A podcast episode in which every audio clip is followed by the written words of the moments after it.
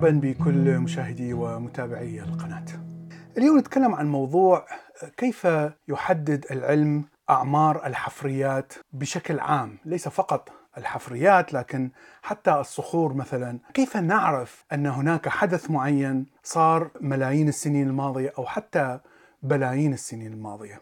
والفكرة هنا أن كل هذه الطرق أعطت إثبات ممتاز أن عمر الأرض تقريبا 5 بليون سنة، أن عمر الشمس والمجموعة الشمسية أيضا تقريبا نفس العمر، أن حفريات الإنسان بدأت من المغرب 300 ألف سنة إلى آخره. فشيء طبيعي أن المسيحيين في أمريكا والذين يؤمنون بشكل حرفي بالعهد القديم يؤمنون بأن الأرض عمرها فقط 6000 سنة، ولهذا دائما يحاولون أن يشوهوا هذه العلوم بالضبط نفس الطرق التي يستخدمونها لتشويه نظرية التطور والتي طبعا تتعارض أيضا مع القصة الخرافية لآدم وحواء التي أيضا أتت من العهد القديم. ولهذا أحببت أن أعمل هذا الفيديو حتى أوضح ما هو التفاصيل هذه الطرق التي نستعملها في الأركيولوجي. هناك نوعين من الطرق، نوع ما يسمى بال absolute dating بمعنى أنا أستطيع أن أتوصل إلى تاريخ صحيح ومحدد من الوقت الحالي إلى نقطة معينة في الماضي. وهناك مجموعة طرق أخرى ما تسمى بال relative dating بمعنى أنا أتوصل إلى تاريخ لكنه نسبي إلى تاريخ معين يكون مطلق. أشهر الطرق المستخدمة هو ما يسمى بال isotopes أو المواد المشعة أو العناصر المشعة. والقوة التي تسبب الإشعاع الذي يأتي من هذه العناصر تسمى بالقوة الذرية الضعيفة. وهذه طبعا تم اكتشافها مع نظرية الكم مع تطور نظرية الكم ويعني وصلت إلى تفسير واضح جدا وبالمعادلات كيف تعمل في الستينات والسبعينات. والذرة تسمى بالآيزوتوب. إذا كان هناك نيوترونات زائدة عن الذرة الطبيعية العنصر المتواجد بكثرة. فمثلا هناك كربون 12 الذي يحتوي على 6 بروتونات 6 نيوترونات. هذا موجود 99% من الكربون الموجود في الأرض. لكن هناك كربون 13 وهو يمثل 1% وهذا الكربون يحتوي على 7 نيوترونات وست بروتونات في الذرة. وهناك أيضا كربون 14 الذي يحتوي على نيوترونين زائد في النواة. إذا الذرة تفقد هذا النيوترون الزائد بطريقة الإشعاع. يتحول العنصر طبعا من عنصر إلى عنصر آخر. وهناك كميات ضئيلة جدا من كربون 14 موجودة في الأرض. وحتى نستطيع أن نحسب كم عدد هذه الذرات مثلا الموجودة في تقريبا كل بقعة من بقع الأرض. والشيء المثير أن هذه الذرات كربون 14 يتكون عند عمليات التحليل الضوئي التي تستخدمها النباتات في صنع الطاقة. ولأنها تصنع من هذه الطريقة فإنها موجودة في كل الكائنات الحية من ضمنها طبعا النباتات والحيوانات لأنها تتغذى على النباتات. ونحن أيضا نعرف المدة التي يفقد بها الكربون 14 هذا النيوترون ويتحول إلى كربون 13 وهذه المدة تقدر بحوالي 51 ألف سنة. هذه الطريقة تعمل فقط في المواد العضوية أو المواد الحية التي أتت من كائنات حية وماتت. وهذا معناها أنه عندما يموت الكائن الحي فإنه سيتوقف عن تناول هذه الذرات الكربون ومن هنا نستطيع أن نعرف بدقة معينة كم عدد ذرات الكربون 14 الموجودة في الحفرية. وهذه الطريقة هي الشائعة والمستعملة بكثرة تأريخ عظام الحيوانات والبشر نياندرتال أو, أو عدة أجناس Homo الذي اكتشفت من تاريخ خمسين ألف إلى الآن. وهناك عناصر أخرى.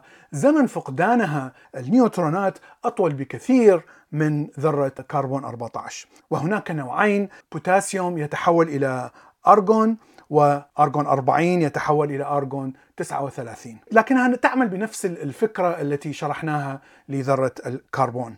البوتاسيوم والأرغون يتكون عندما يثور البركان وتتحول الحمم إلى صخور، لأن عندما تتجمد الحمم من البركان فهي تجمد معها عدة ذرات من هذه الذرات المشعة وتبقى محفوظة داخل الصخر. الشيء المفيد أن حتى تتحول ذرة البوتاسيوم إلى ذرة أرغون فهي تحتاج إلى بلايين من السنين ولهذا نستطيع أن نؤرخ حجر أتى من بركان تقريبا من مئة ألف سنة إلى بلايين السنين. وهناك حتى جزء معين من الصخر البركاني ما يسمى بالتفت. هذه الجزء يتكون عندما يثور البركان. فحتى نستطيع أن نؤرخ أيضا وقت ثورة البركان وليس فقط وقت تكون الحجر من الحمم.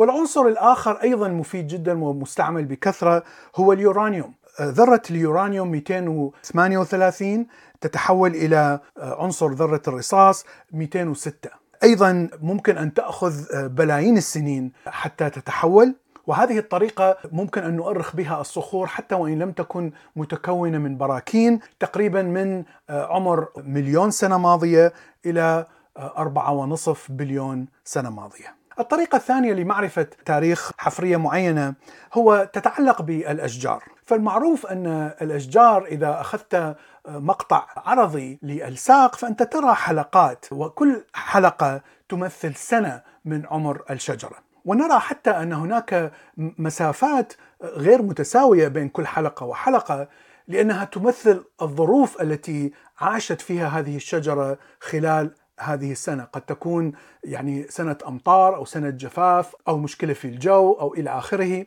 وهنا إذا كان عندنا منطقة معينة فيها أشجار حية وفيها أشجار ميتة لكن ساق الأشجار الميتة لم يتحلل. طبعا نحن نعرف أن بشكل عام أن هناك دائما بكتيريا وطحالب تتغذى على المواد العضوية حتى عندما تموت طبعا.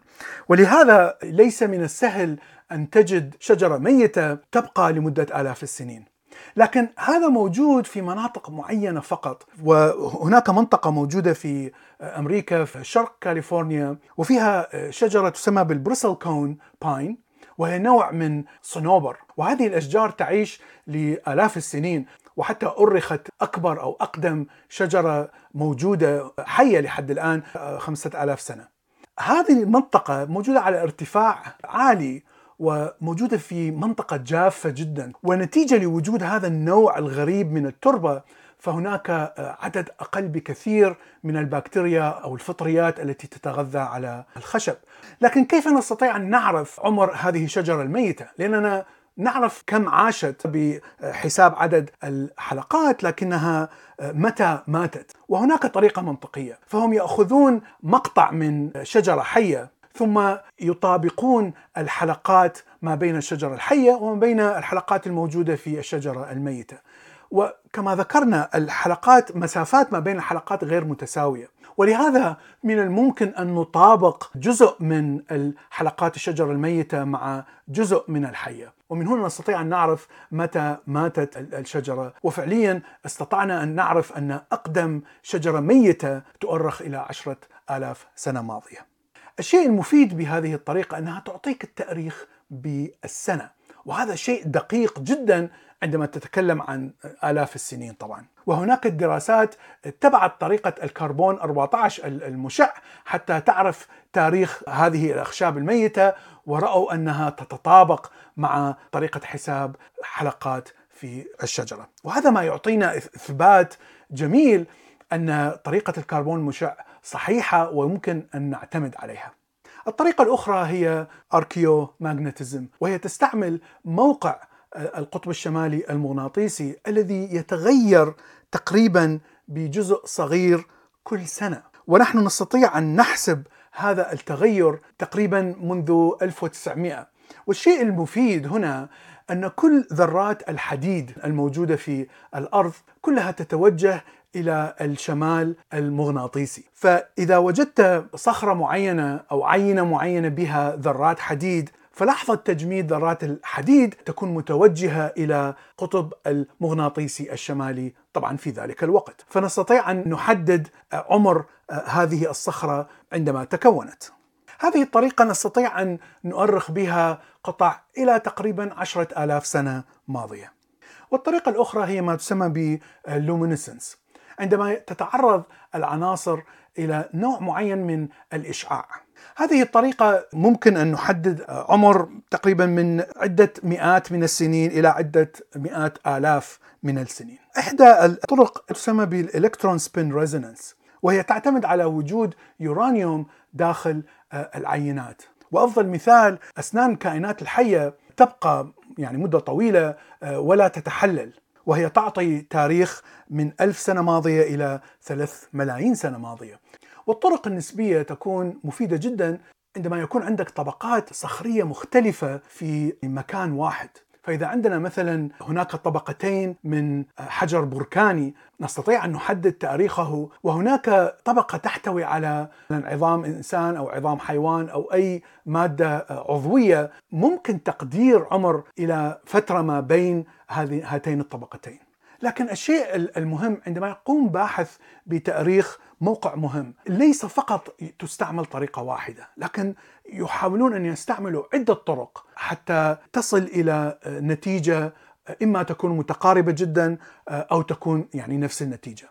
إذا صار هناك تناقض ما بين الطرق العديدة إذا يجب أن نعيد الحساب أو نعيد الفحص مرة أخرى.